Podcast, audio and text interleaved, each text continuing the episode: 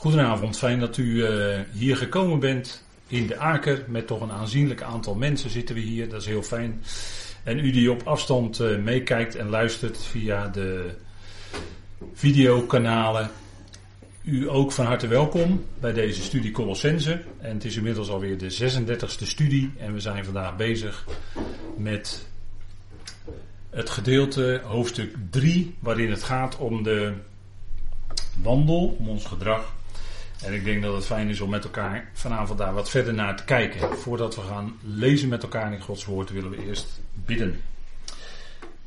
Vader, we danken u dat we ook zo vanavond weer bij elkaar mogen zijn. Dank u wel dat we dat weer doen met dat woord van u centraal. Dank u wel voor de Colossensebrief die we mogen bespreken. Waar we heel rustig doorheen wandelen en kijken wat dat te zeggen heeft tot, voor ons leven van iedere dag. We danken u dat u ons bij elkaar brengt. En dat we dat woord met elkaar mogen delen. Vader, dat is toch de essentie van gemeente zijn met elkaar. Dat we dat woord, waar dan ook, delen, dat woord centraal. En zo met elkaar de ontmoeting hebben. We danken u, Heer, dat u ons bemoedigt, dat u ons opbouwt, dat u ons versterkt, uitzicht geeft. Dat u ook nabij bent op die plaatsen waar moeite is en pijn en verdriet. U kent de harten en Vader mag ons hart ook vanavond volledig gericht zijn op dat wat u zegt. U bent het die ons dagelijks voedt en koestert met het woord, dat evangelie. En wilt u vanavond daar ons leiden door uw geest in het luisteren, maar ook in het spreken. Geeft u daarin wijsheid die nodig is. We danken u, Heer, dat we zo alles van u mogen verwachten in deze tijd. Vader, we danken u daarvoor in de naam van uw geliefde Zoon, onze Heer Christus Jezus. Amen. Goed, we kijken naar Colossense 3 en ik wil graag met u gaan lezen. U kunt meelezen op de dia's, maar u kunt ook in uw Bijbel natuurlijk meelezen. En we lezen vanaf vers 12 en daar staat: Doet dan aan als Gods uitverkorenen, heiligen en geliefden, medelijdend mededogen, mildheid, ootmoedige gezindheid, zachtmoedigheid, geduld. Elkaar verdragend en wederzijds genade schenkend, in geval iemand tegen iemand een klacht heeft. Zoals ook de Heer jullie genade schenkt, zo ook jullie. Doet over dit alles nu de liefde aan die de band is van de rijpheid. En laat de vrede van Christus, waartoe jullie ook in één lichaam geroepen werden, scheidsrechter zijn in jullie hart en wordt dankbaar. Laat het woord van Christus rijkelijk in jullie wonen, in alle wijsheid, jullie zelf onderwijzend en vermanend, psalmen en lofzangen en geestelijke liederen zingend met dankbaarheid in jullie hart tot God. En al wat jullie maar doen in woord of in werk, doe dit alles in de naam van de Heer Jezus Christus, God de Vader, dankend door Hem. Tot zover. En we kijken met elkaar vanavond naar vers 16, het woord van Christus. Laat het woord van Christus rijkelijk in jullie wonen, in alle wijsheid, jullie zelf onderwijzend en vermanend, psalmen, lofzangen en geestelijke liederen zingend, met dankbaarheid in jullie hart tot God. Daar willen we vanavond bij stilstaan. En dat is denk ik een eh, fijn woord. Wat ons bemoedigt. En natuurlijk, eh, als we beginnen met de eerste woorden van dit vers. Dan gaat het om laat het woord van Christus. Dat is waartoe de apostel Paulus ons roept. En daarom zitten we hier ook. Laat het woord van Christus rijkelijk in jullie wonen. En dat is uh, specifiek een bepalend woord. Hè? Dat woord van Christus. Daar moeten we even de aandacht op hebben. We kunnen zomaar denken, dat is het woord van God. Maar is dat ook zo? Dan natuurlijk, het woord van Christus is het woord van God. Maar het woord van God is breed. En het woord van God, dat moeten we nooit vergeten. En er zijn vandaag aan de dag misschien veel nieuwsberichten die onze aandacht trekken. Maar dat woord van God blijft toch altijd het belangrijkste wat er is. En eh, als we kijken bijvoorbeeld in 2 Timotheus 3, vers 16, daarin zegt Paulus juist iets als het gaat om de eindtijd, de tijd waarin wij dus leven nu, de laatste dagen van deze boze aion, hè, om het zo maar te zeggen.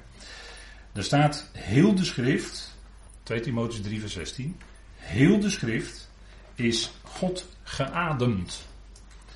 En nuttig tot onderwijzing, tot aantoning, tot terechtwijzing, tot de opvoeding die in de gerechtigheid is, opdat de mens van God toebereid is tot ieder werk toegerust.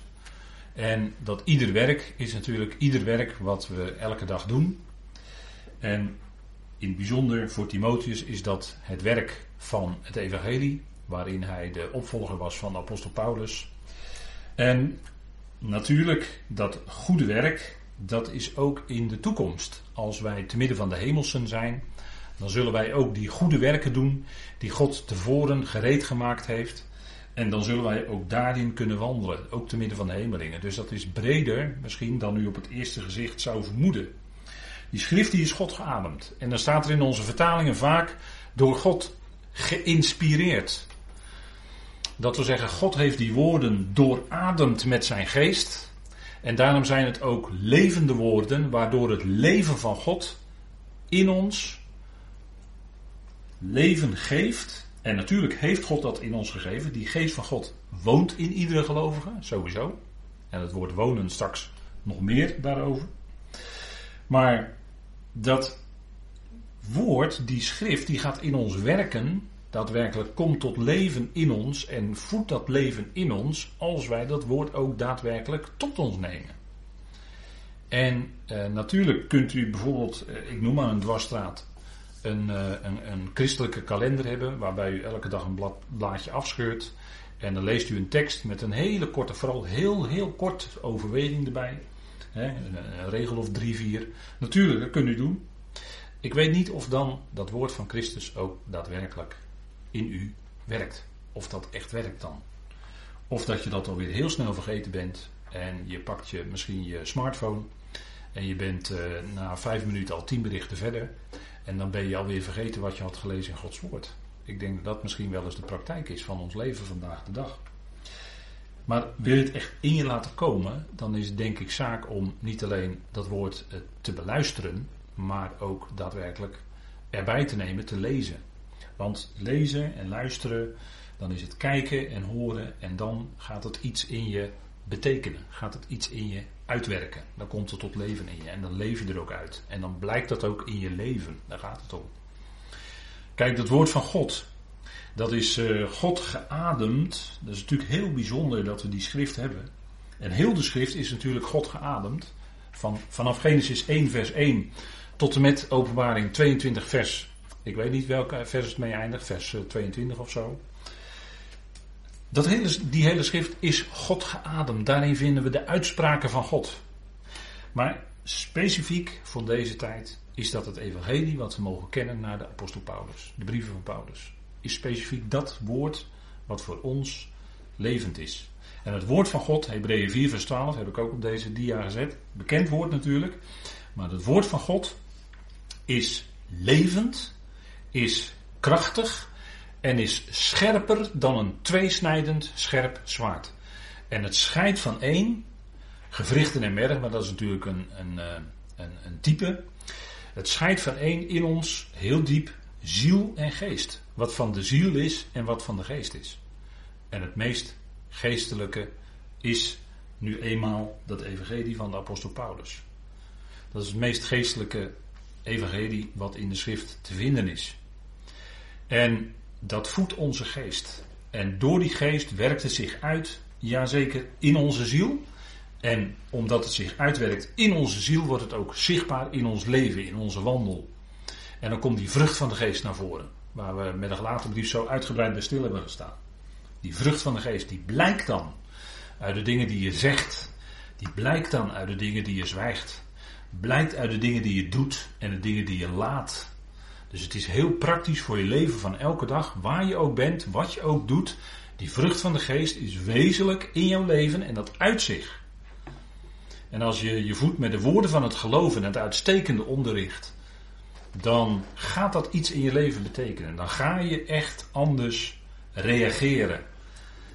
En we memoreren regelmatig het enorme verschil in het leven van de apostel Paulus zelf, die een woesteling was, die tekeer ging, die ik weet niet wat.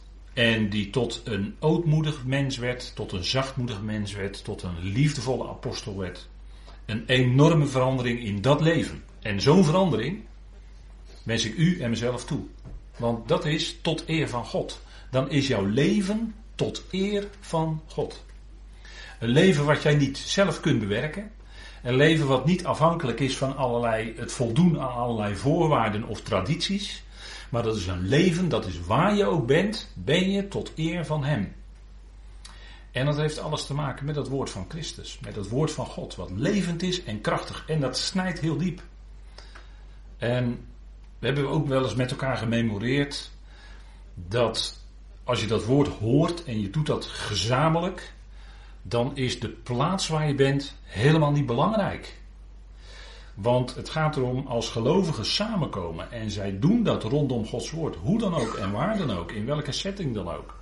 Is dat een uitdrukking van lokale ecclesia zijn, van gemeente zijn, van lichaam van Christus zijn.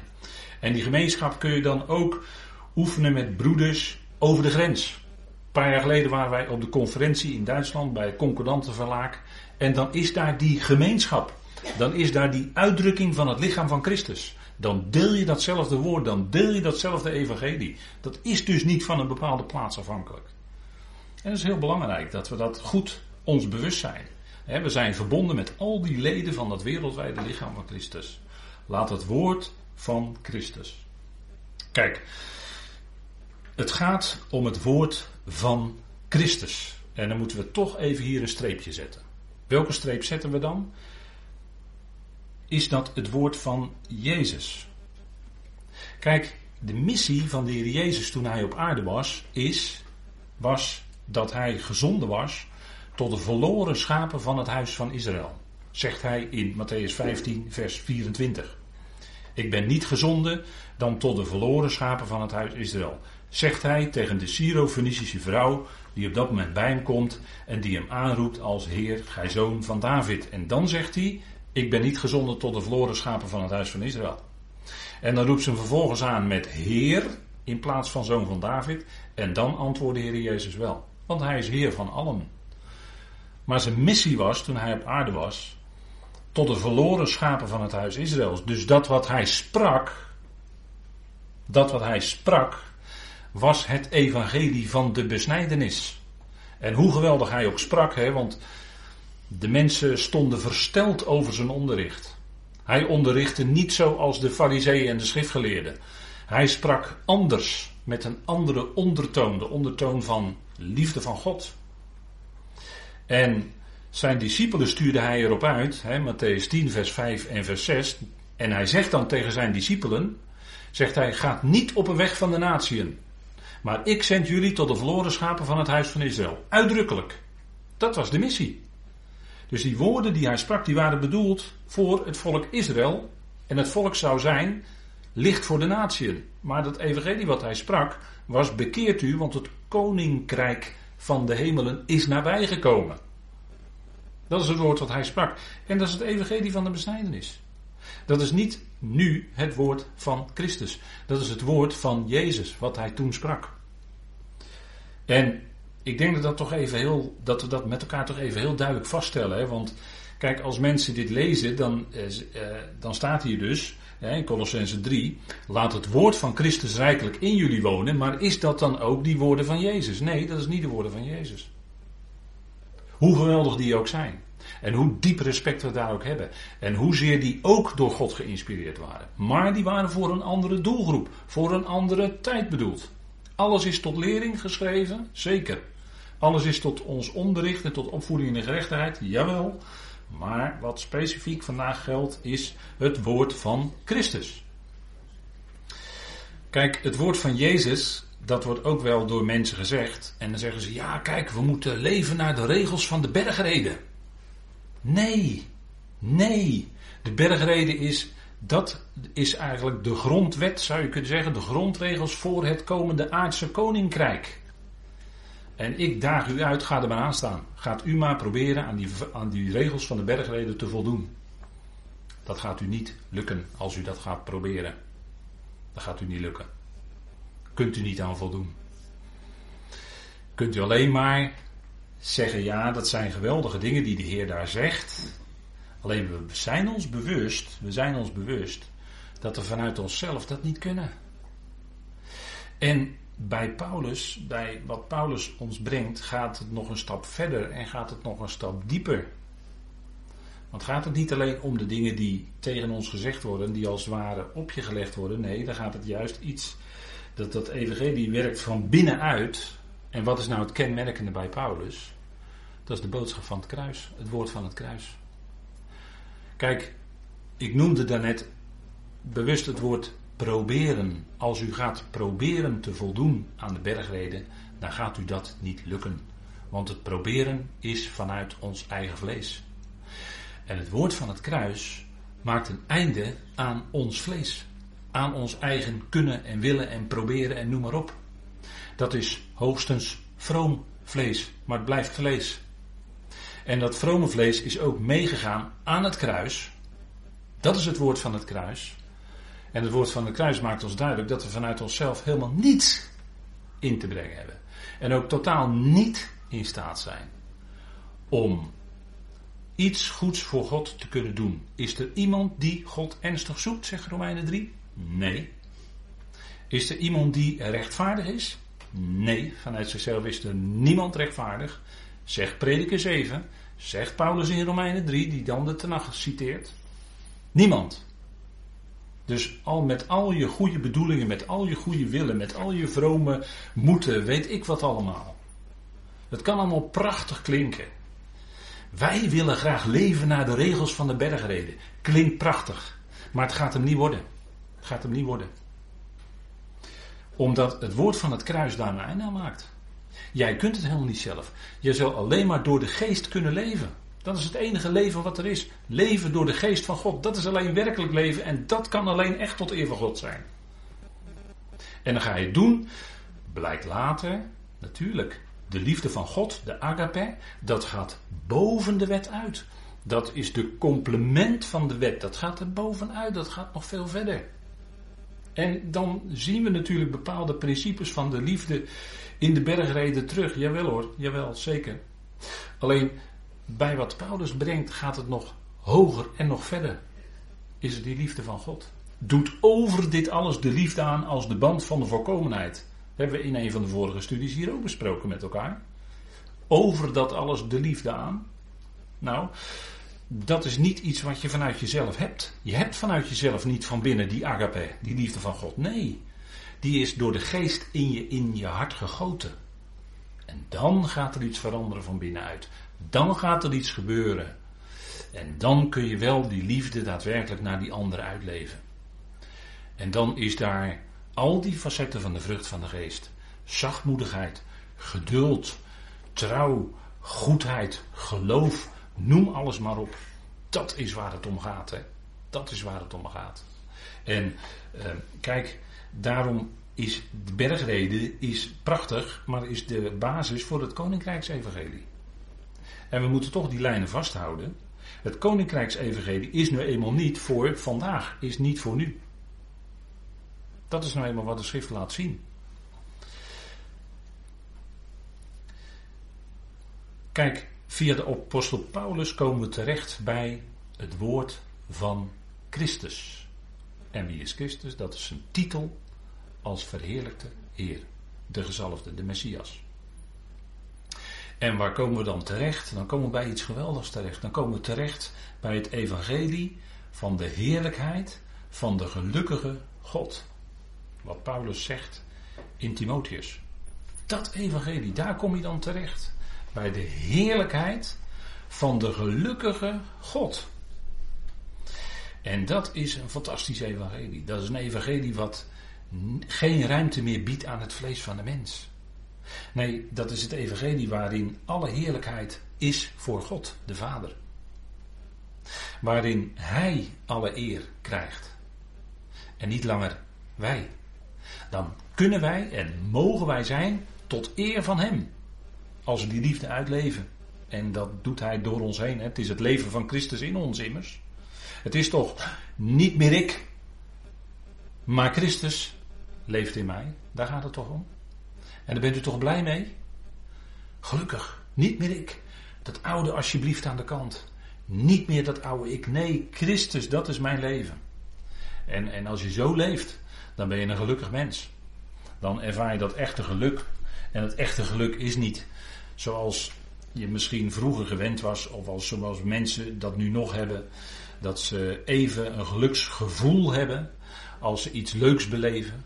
Dan is het uh, prachtig die ene dag. En de volgende dag is het weer uh, helemaal niks. Want dan is er geen mooie omstandigheid meer. Of dan zit het tegen. Of dan noem maar op. Hè. En dan is het weer. Dat is een zielsmens. Dat is een mens die leeft op gevoel. En wij hoeven niet op ons gevoel direct te leven. We hebben wel gevoel, natuurlijk hebben we dat. Maar wij hoeven niet te leven vanuit en op ons gevoel. Maar het gaat om dat die geest in ons, die geestelijke vreugde geeft, die constant is. Die eigenlijk niet meer te verstoren is. Omdat het heel diep van binnen bij je zit. En dat blijft er zitten, ongeacht de omstandigheden.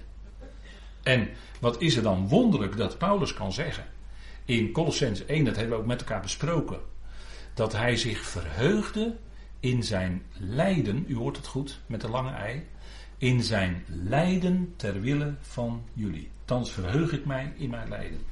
Hoe kan dat? Hoe kan de apostel dat nou zeggen? Hebben we met elkaar besproken natuurlijk, maar ik wil het nog even aanhalen. Nu verheug ik mij in mijn lijden ter wille van jullie en vul in zijn plaats in mijn vlees aan wat ontbreekt aan de verdrukkingen van Christus, ter wille van zijn lichaam. Dat is de uitgeroepen gemeente. Paulus verheugde zich in de dienst. Paulus verheugde zich, ondanks dat het hem lijden bracht en verdrukkingen bracht. Niettemin verheugde hij zich daarin. En zelfs dat lijden zag hij uit de hand van God. En dat zeg ik met schroom. Dat lijden zag hij uit de hand van God. Dat viel hem toe uit Gods hand. En dat is helemaal niet makkelijk als lijden over je komt, als het lijden van Christus over je komt. Als je dezelfde dingen ondervindt als die hij met een hoofdletter ondervond in zijn leven. Dat is helemaal niet makkelijk. En toch verheugde de apostel Paulus zich daarin, in dat lijden. Want het was te willen van Christus. Hij vulde aan, en dat mocht hij zeggen, dat kon hij zeggen, wat ontbreekt aan de verdrukkingen van Christus. Kijk, verdrukkingen, dat zijn inperkingen. Dat is als je beperkt wordt in je bewegingsvrijheid. En kennen wij daar inmiddels ook niet al iets van? En is het niet zo dat de apostel Paulus zelf in gevangenschap zat? Nou, dat is een, uh, dat is een beperking in bewegingsvrijheid, tot en met. Terwijl hij misschien naar zijn hart wilde uitgaan en het overal wilde vertellen. Maar het kon niet. Hij zat gevangen. En toch verheugde hij zich in die omstandigheid. Waarom? Omdat hij dat geheim kende wat, we, wat we met Filippenzen 4 hebben besproken. Omdat hij dat geheim kende dat die hand van God in feite achter alle dingen zit. Wat hem overkwam in zijn leven, het ging niet buiten God om, het ging niet buiten Vader om. En daarom kon hij danken, terwijl hij alles met gebed en smeking. En, en die weg kennen we, toch? Die weg kennen we toch? Met gebed en smeking. Met dank de dingen bekendmaken bij Vader. Dat is toch iets wat we doen en wat fijn is. Dan kun je je hart luchten bij die grote vader met een hoofdletter V. Daar kun je alles tegen zeggen. Hij weet het, natuurlijk. U zegt hij weet het al, ja natuurlijk. Maar nochtans is hij degene die gebeden, graag gebeden wil zijn en gedankt wordt. En dat kan ook niet anders. Je gaat hem danken als je beseft dat wat in jouw leven gebeurt en wat in ons leven gebeurt, dat het niet buiten hem omgaat, maar dat hij exact op de hoogte is van uw, jouw en mijn situatie van minuut tot minuut. Dat weet hij. En acht dat ook kennelijk nodig in ons leven om iets uit te werken. En wat uitgewerkt wordt, is wat wij nu nog niet zien, maar is onvoorstelbare heerlijkheid. Dat gaat komen. Dat is nog toekomst. En die heerlijkheid, die is eindeloos. Die heerlijkheid is vele malen groter, toch, dan het lijden wat ons overkomt. Zo spreekt Paulus erover. Die spreekt over de lichte last van een verdrukking van een ogenblik. Als hij dat afzet tegenover die geweldige heerlijkheid die eonisch is en wat een zwaar gewicht is. En, en natuurlijk, u weet het, hij speelt dan met het Hebreeuwse woord kavod. Dat betekent zowel zwaar als, als heerlijkheid. Maar die enorme heerlijkheid die gaat komen, die kunnen wij nu in ons aardse lichaam niet eens dragen, zo groot. Dat, zouden we niet kunnen verdragen. Maar daarom verandert hij ons op het moment dat de bazuin gaat. En ontvangen wij een heerlijkheidslichaam wat gelijkvormig is aan zijn heerlijkheidslichaam. En wat dan in staat is om ook die heerlijkheid daadwerkelijk te kunnen dragen. Dat grote gewicht. En het lijden wat, en de verdrukkingen die ons nu overkomen, die bewerken dat. Die werken uit die heerlijkheid die komt. Dan zegt u ja, maar is er dan in de toekomst een verschil in heerlijkheid? Ik denk het wel. Ik denk het wel. Hoeveel te meer lijden en verdrukkingen, hoeveel te meer heerlijkheid. Dat is eh, als het ware een, eh, een, zou je kunnen zeggen. Kijk, de apostel Paulus, die was vol vreugde als hij dit uitsprak. Dat hij mocht verkondigen, en Timotheus was zijn opvolger, die mocht dat ook doen. Het evangelie van de heerlijkheid van de gelukkige God. Dat evangelie. En dat is iets bijzonders. En dat heeft alles te maken met ons onderwerp. Dit is het woord van Christus. Dus het woord van Christus. En dat maakt hij nu bekend door de brieven van de apostel Paulus. En dat is geweldig. Kijk, daar gaat het om wat hij iets verder zegt in dat tweede hoofdstuk van Timotheus. Daar gaat het om die ene God. En er is maar één God. En één middelaar tussen God en mensen. De mens Christus Jezus. En dat mocht hij bekendmaken als die ene apostel van de natie. De leraar van de natie. De leraar van nu is Paulus. De leraar van de natie. Dat is waar we naar luisteren. En ik hoop dat u zegt, ja, daar luister ik graag naar. Naar die leraar. Paulus. Die brieven lezen, dat is fijn. Leraar van de natie. Paulus zegt dat ook hè, in Titus 1. Hij is een apostel van Christus Jezus. Waarom die volgorde? Omdat het dan gaat over die verheerlijkte Heer. Dat woord, dat beluisteren wij nu. Dat is het woord van Christus. Dat is die verheerlijkte Heer die dat spreekt. En die spreekt dat vandaag tot ons hart. Paulus was de apostel van Christus Jezus. De apostelen van de besnijdenis waren apostelen van Jezus Christus. Dat is een wezenlijk verschil. En die verschillen houden we graag vast. En hij deed dat in ootmoed. Want hij had naar de mens natuurlijk alles zou die kunnen hebben om zich te verheffen boven anderen. Maar in tegendeel. Paulus was juist een ootmoedig mens geworden. Als voorbeeld voor ons. In de Efezebrief zegt hij, Efeze 3, ik heb de teksten maar bijgenoemd, maar we gaan het niet helemaal lezen. Maar dan zegt hij dat hij de geringste is, de allergeringste van de heiligen. Zo stelde hij zich op, zo ootmoedig. Hij had de gemeente van God vervolgd. En dat drukte misschien bij gelegenheid wel op hem, dat verleden. Dat drukte hem misschien wel naar beneden. En dat is ook, dat zegt hij ook, hè, in, in, uh, dat was misschien wel die doorn in zijn vlees, 2 Korinthe 12, ja. 2 Korinthe 12, die doorn in zijn vlees. Dat was misschien wel zijn verleden wat op hem drukte en waar die boodschappen van de tegenstander hem nog graag aan herinneren. Waar hij hem nog graag influisterde. Ja, maar jij, hoe was jij? Hè? Hoe was jij? Jij was ook niet zo'n beste. Helemaal niet. Jij vervolgde zelfs de gemeente van God. Die sloegen met vuisten, hè? die boodschappen van de tegenstander, die sloegen met vuisten, een doorn in zijn vlees. En zegt Paulus, zo ootmoedig was hij, dat is opdat ik me niet al te zeer zou verheffen. En u en ik, wij zouden ons makkelijk ten opzichte van andere mensen kunnen verheffen. Want ja, we mogen toch een geweldige evangelie kennen. We mogen toch dat plan van God kennen. We mogen weten waar het naartoe gaat, waar God naartoe werkt. Mogen we allemaal weten, mogen we allemaal kennen, ja. Maar maakt ons dat tot mensen die ons beter voelen dan anderen? Ik denk dat het woord van, kruis ook, het woord van het kruis ook daar een einde aan maakt. Als we dat nog zouden, eventueel even zouden denken. Hè? Dan beseffen we heel diep dat, nee, dat oude is allemaal aan het kruis meegegaan. Het is niet langer mijn ik. En we kunnen het alleen maar verstaan door de geest van God. En daarom is het genade dat we iets daarvan mogen weten, dat we het plan mogen kennen. Dat is genade. Maakt ons tot ootmoedige mensen. En dat is misschien ook wel wat bij gelovigen die nog wat van eigendunk of wat van hoogmoed in zich hebben, waarom dat evangelie bij zulke gelovigen botst. Dat evangelie van Paulus, dat kan. Dat kan die blijven dan een beetje op een afstand van het evangelie van Paulus. En dat kan hiermee te maken hebben. Dat het een einde maakt aan eigendunk Dat het een einde maakt aan menselijke pretenties. Want we hebben helemaal niets van onszelf. Wij als mensen, of als je denkt iets te zijn, wat verbeel je nou joh? Wat verbeel je nou eigenlijk? Menselijke pretenties, nee. Het kruis maakt daar een einde aan. We verbeelden ons niets. Het is alleen pure genade dat we daar iets van het plan van God mogen verstaan. Dat we daar iets van mogen weten van die heerlijkheid. Dat maakt ons blij. En dan kun je het ook bij gelegenheid aan een ander misschien doorgeven als God daarvoor de kans geeft. Als God daarvoor ruimte biedt of een opening geeft.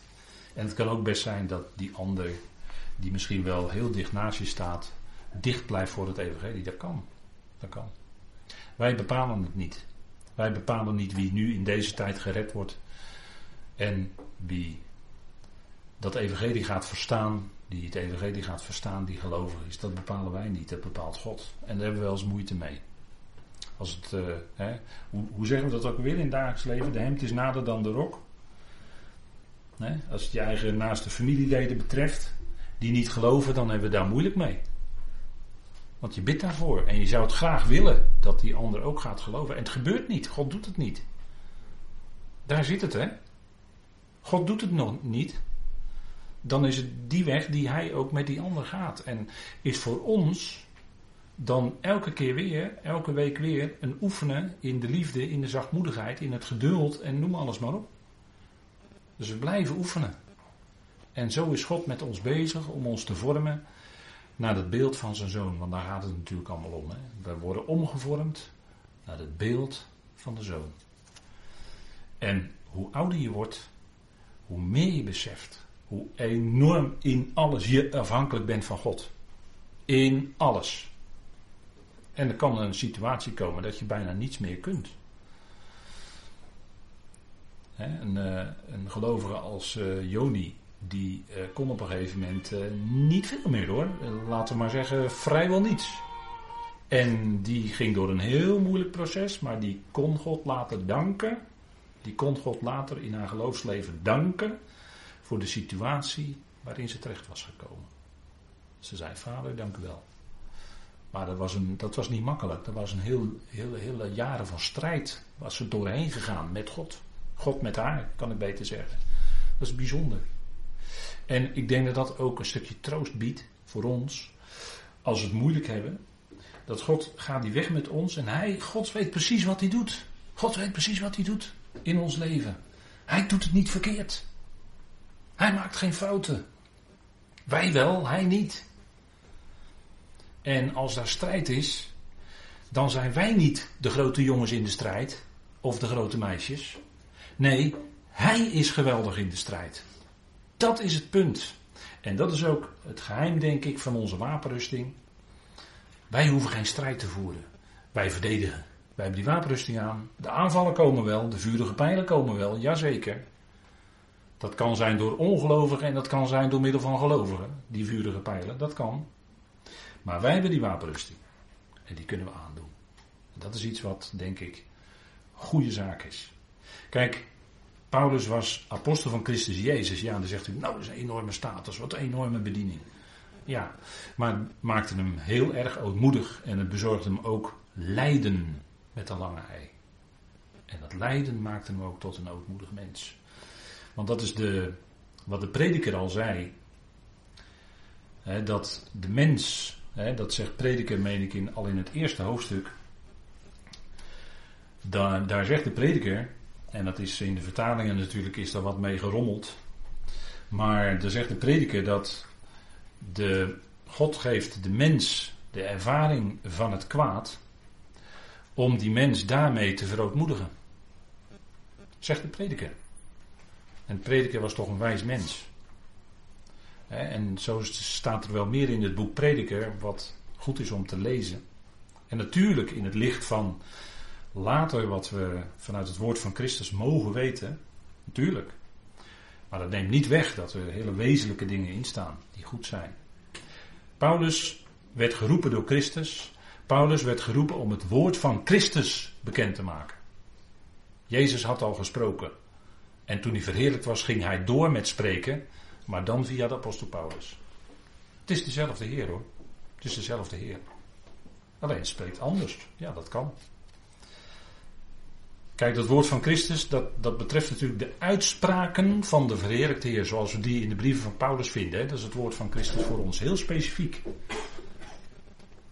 En dat is, het woord van Christus is ook zijn positie aan de rechterhand van God, dat hij nu die verheerlijkte Heer is. Niet langer vernederd hier op aarde rondwandelt, maar hij is het hoofd van het lichaam. En zijn enorme heerlijkheid wordt bekendgemaakt en wij zien hem, hè, wij zien de heerlijkheid van God, zegt Paulus, toch in de Korinthebrief, in het aangezicht van Jezus Christus. En dat het aangezicht is heerlijkheid. En dat zien wij met ons geestesoog, om het zo maar te zeggen. Hè. En als je geestelijk iets hebt gezien van die heerlijkheid, ja, dat raak je nooit meer kwijt. En dat wil je ook nooit meer kwijt. Want dat is, dat is zo geweldig. Er kan geen enkel andere boodschap die ook maar gebracht wordt op deze wereld tegenop. Daar kan niets aan tippen, helemaal niets. Hoe prachtig de filosofie misschien ook zijn kan. Maar Paulus is in deze brief natuurlijk ook heel scherp geweest. Het is niet filosofie, maar Christus. Het is niet religie, maar Christus. Daar gaat het om. Het gaat om Hem. Het gaat om Hem. En, en dat is wel, eh, denk ik, wat, wat het zo uniek maakt. Hè? Dat woord van Christus, dat gaat dan, hè, als dat eenmaal schijnt in je hart. En daarom hebben we deze foto erbij gezocht, gekozen. Dat schijnt in je hart als een licht. En dat geeft ook warmte, want de zon geeft niet alleen licht, maar ook warmte. De warmte van Gods liefde is natuurlijk een type, hè? de zon is een geweldig type daarvan. De zon geeft altijd licht, de zon geeft altijd warmte. En dat is, is dat niet een toonbeeld van God? God die licht is, God die liefde is. En is dat niet heerlijk als we dat zo mogen? Weten en via Christus, via Christus maakt hij die liefde en die heerlijkheid bekend. En werkt hij ook een stukje heerlijkheid van binnen, want van binnen is al iets van die heerlijkheid merkbaar. Hè? In 2 Korinthe 4 schrijft Paulus daar ook over. Wij hebben die schat in aardenvaten. En het aardevat waar wij in zijn, dat is broos, dat is zwak. En hoe ouder je wordt, hoe meer je dat beseft dat, dat het zwakker wordt en dat gaat met allerlei gebreken en er komen allerlei mankementen en noem alles maar op. Maar in dat zwakke aardevat is dat evangelie, is dat geloof, is dat, die evangelie, is dat evangelie van de heerlijkheid van Christus. En hoewel onze uiterlijk vervalt, onze aardekruik is in verval, maar dat innerlijk wordt van dag tot dag vernieuwd. Vernieuwd. En dan ga je de dag in, als was het, hè, dan heb je het idee van, van binnen, ja, dat is weer, het lijkt wel of het vernieuwd is geworden. Ja, dat komt door dat, door dat woord. Dat je God ervoor dankt. Dat je het gehoord hebt, dat je het gelezen hebt. Dat is hoe je dan je dag in kan gaan. En aan het eind van de dag ook Hem kan danken. Dat je in de gegeven situatie toch misschien iets hebt kunnen zeggen of een houding hebt getoond die tot eer van hem was. Kon zijn, mocht zijn. En dan dank je God aan het eind van de dag dat hij degene was die daarvoor de kracht gaf. want ook dat hebben we niet van onszelf natuurlijk. Dat is de, hij die dat doet in ons. En dat is, uh, ja. Je merkt dat je, dat je als, als gelovige dat steeds weer nodig hebt. Want u zegt, ja, dat heb ik vaker gehoord. Maar je hebt het als gelovige nodig om dat ook opnieuw te horen en weer opnieuw te horen en opnieuw te horen. Want zo gaat die vernieuwing steeds door in je en raak je ook steeds dieper geworteld en gegrond, woorden die Efeze, hele bekende woorden, raak je steeds dieper geworteld en gegrond in die liefde van God. En daar gaat het om. Hoe dieper je je wortels uitslaat daarin, hoe vaster je leven is en hoe meer je in staat bent om in een heel, van binnen heel stabiel, je uiterlijke omstandigheden kunnen golven zijn, zo hoog. Maar van binnen kan het dan zo zijn dat je heel stabiel bent en dat je in, die, in de gegeven omstandigheden volledige rust hebt. Waarom? Omdat de Heer toch dat woord sprak, letterlijk tegen die natuur. Zwijg, wees stil. En het werd gelijk stil. En zo zegt hij dat ook tegen ons innerlijk. Die vrede van Hem, die bewaart ons innerlijk. die houdt ons vast. En hij maakt ons stabiel van binnen. Dat is, dat is denk ik heel fijn. Dat is heel fijn. Zijn liefde verdrijft angst uit het leven. Het is de liefde van God die angst uit het mensenleven verdrijft. En het gaat soms niet zonder slag of stoot. Dat kan een proces van jaren zijn. Maar de liefde van God, waarom? Omdat je niet langer, kijk, angst is terug te voeren op angst voor de dood. Hè? Als je loskomt van die angst voor de dood, omdat je weet wat dood is naar de schrift, omdat je weet dat God in de toekomst opstanding gaat geven, dat is een geestelijk weten. Dat is niet verstandelijk, maar dat is geestelijk weten. En als je dat geestelijk gaat, meer gaat beseffen, dan gaat vrees en angst uit je leven verdwijnen, stapje voor stapje. En dat is iets wat ik u toewens. Dat u niet bang bent voor de omstandigheden waarin we zijn, voordat dat uit de wereld op ons afkomt. Al die berichten die misschien uit de samenleving op ons afgevuurd worden, die we via de media horen, die kunnen je zomaar angstig maken. Dat kan zomaar gebeuren. Maar het enige middel, het enige juiste tegenmiddel daartegen is de liefde van God. En ik weet waar ik over praat. Ik weet wat angst is. En ik weet ook dat God me daarvan heeft bevrijd, los heeft gemaakt. Van angsten.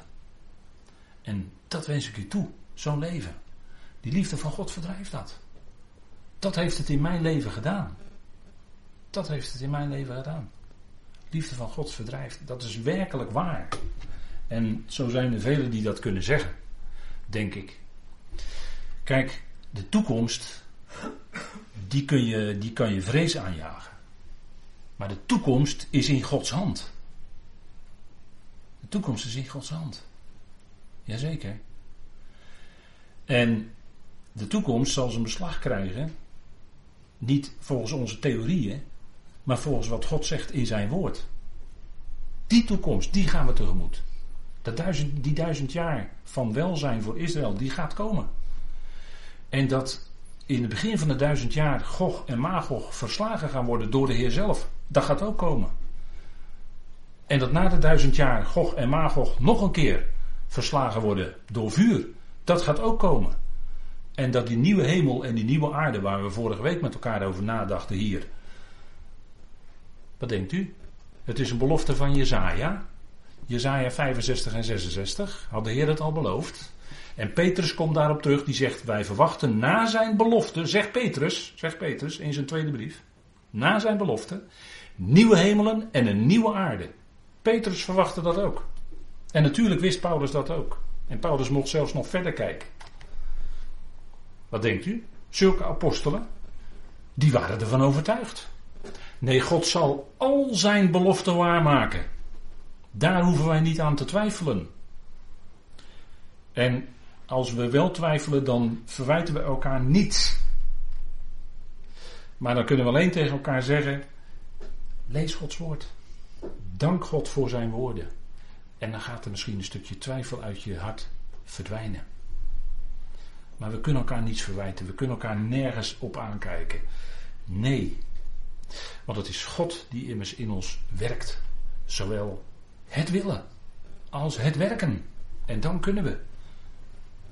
Dan, kunnen we, dan gaan we ook willen. Dan gaan we het ook doen. Dat is Hij die dat uitwerkt in ons. En ja, dat, dat is natuurlijk geweldig als we, als we dat woord van Christus tot ons nemen. Hè? Dat woord van Christus. En als dat zijn beslag krijgt in ons leven. Ja, dat is denk ik geweldig als u dat ervaart. En ik wens u dat zo toe.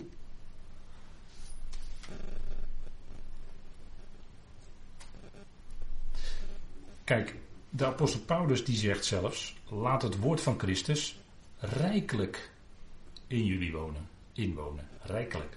Dat is dus niet, hè, ik had het uh, daarnet over dat eh, bekende kalenderblaadje, hoe goed bedoeld ook.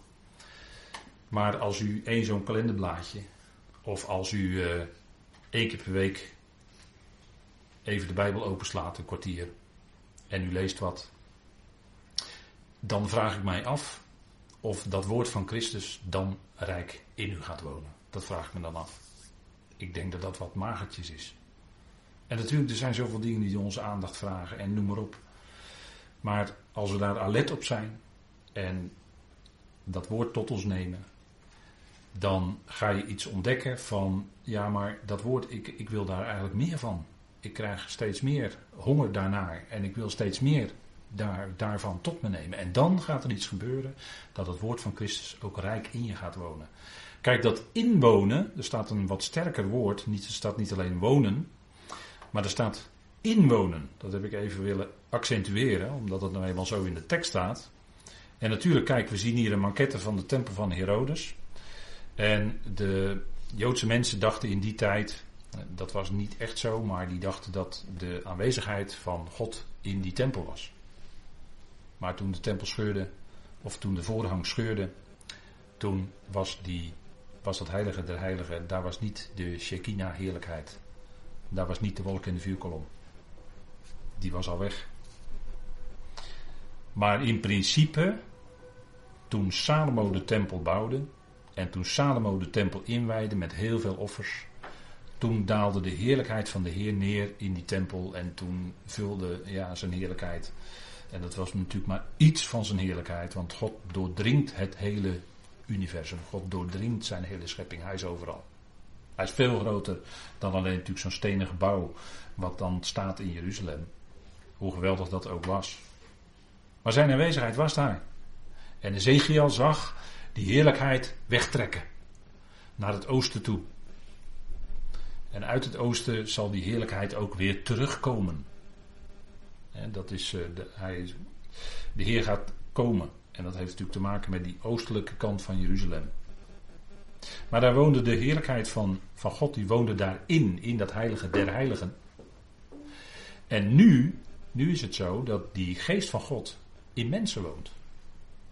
En, en dat is enigszins vergelijkbaar met die heerlijkheid van God die in de Heer Jezus, iets van die heerlijkheid van God, van zijn geest in de Heer Jezus toen hij op aarde was.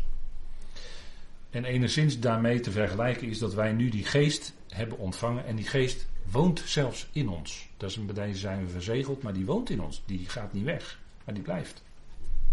He, dat is dat inwonen. En dan zegt Paulus hier als, als aanwijzing voor ons als gelovigen, laat het woord van Christus rijkelijk, en dan staat er twee keer dus dat in, hè, in jullie inwonen. Inwonen. En dat die inwonende zonde, daar had Paulus over gesproken, Romeinen 7. onder de wet, dan probeer je het wel, maar dan ontdek je dat de zonde toch sterker is. En dat wordt door de wet juist geprikkeld, weet u wel. de wet prikkelt juist tot zonde. Maar Romeinen 8 gaat dan iets geweldigs bekendmaken. Dat die geest van God in ons als gelovigen daadwerkelijk woont. Die geest van God woont in ons. Dat wil zeggen, ja, die, uh, dat woord oikeo of oikos, dat is het woord huis in het Grieks. En dat betekent in een huis. Als je daar dat een huis betrekt, ga je in dat huis wonen als mens. En dan ben jij in dat huis, als het goed is, de baas. Of als je samen daarin woont, ben je samen in dat huis de baas. En zo is die geest van God in ons gekomen. En dat woord werkt dus op die geest. En daarom zegt Paulus: Kijk, laat dat woord van Christus nou rijkelijk in jullie inwonen. Zodat het in je werkt. En niet alleen dat je het in een gesprek eventueel iets daarvan paraat kan hebben. Dat is niet het belangrijkste. Dat is wel fijn als dat kan, als je dat hebt. Maar dat het daadwerkelijk in je werkt en dat het zich uitwerkt. En dan gebeurt er ook iets. Hè? 2 Korinthe 6 wordt het kortweg gezegd God. Maar God is geest en die woont in ons als gelovigen. Die woont in ons. En dat heeft ook te maken met geloof. Hè? 2 Timotheus 1. Dan zegt Paulus dat het geloof al in Timotheus kwam, al heel jong. Want hij hoorde via zijn oma en via zijn moeder over God. Hij hoorde vanuit de schriften over wie God is. En dat wekte geloof in de kleine Timotheus, in de jonge Timotheus. En dat geloof woonde op een gegeven moment echt in hem. En dat is ook met ons zo, hè? dat geloof is in ons gekomen. En dat kan op latere leeftijd gebeurd zijn. En het kan misschien al van jongs af aan zijn. Dat je altijd al hebt gezegd, altijd al zoiets had van, ja, die Bijbel, wat ik altijd van, van kinds af aan gehoord heb, heb ik eigenlijk altijd gewoon geloofd. Nou, dat is fijn, dat is fijn, zo kan het zijn, zeker. En dan werkt die geest van God in je, dat geloof. 2 Timotheus 1 vers 14, dat is ooit eens een jaarthema geweest. Weet u het nog? Bewarend door Heilige Geest. Dat was meen ik 1986 het jaarthema. Bewarend door Heilige Geest. En daarin kwam naar voren in die studie hoe je, hoe je dat nou, dat, dat geweldige wat je hebt ontvangen, hoe die Heilige Geest nou in je dat vasthoudt. Hoe die Heilige Geest dat vasthoudt. Hè? Dat is hoe die in je werkt en hoe dat ook bewarend werkt in je leven en hoe je dat dan ook kunt bewaren. Dat is denk ik heel belangrijk. Hè? Bewaren, met één letter verschil is ook bewaken. Hè? Het huis van bewaring ja, ik hoef niet meer te. De Noordsingel in Rotterdam, hè? toch? Ja, de Noordsingel. Huis van bewaring. Daar heb je ook bewakers, bewakend personeel. En uh, positief gezegd is die Heilige Geest in ons gesteld als, mag ik zeggen, een bewaarder. Of misschien ook een beetje bewaker. Dat je in bepaalde situaties, ting, wacht even, volgens mij klopt er nu iets niet. En je wordt bij iets bepaald. En achteraf blijkt inderdaad, het klopt niet. Ja, dat is bewarend door Heilige Geest. Zo kan het ook werken. Heel praktisch in ons leven. En daarvoor is nodig dat woord van Christus ook te kennen, te weten. In je te hebben. Dat het werkt. Goed, we gaan even met elkaar eh, pauzeren. Dan gaan we straks na een bak koffie met koek verder.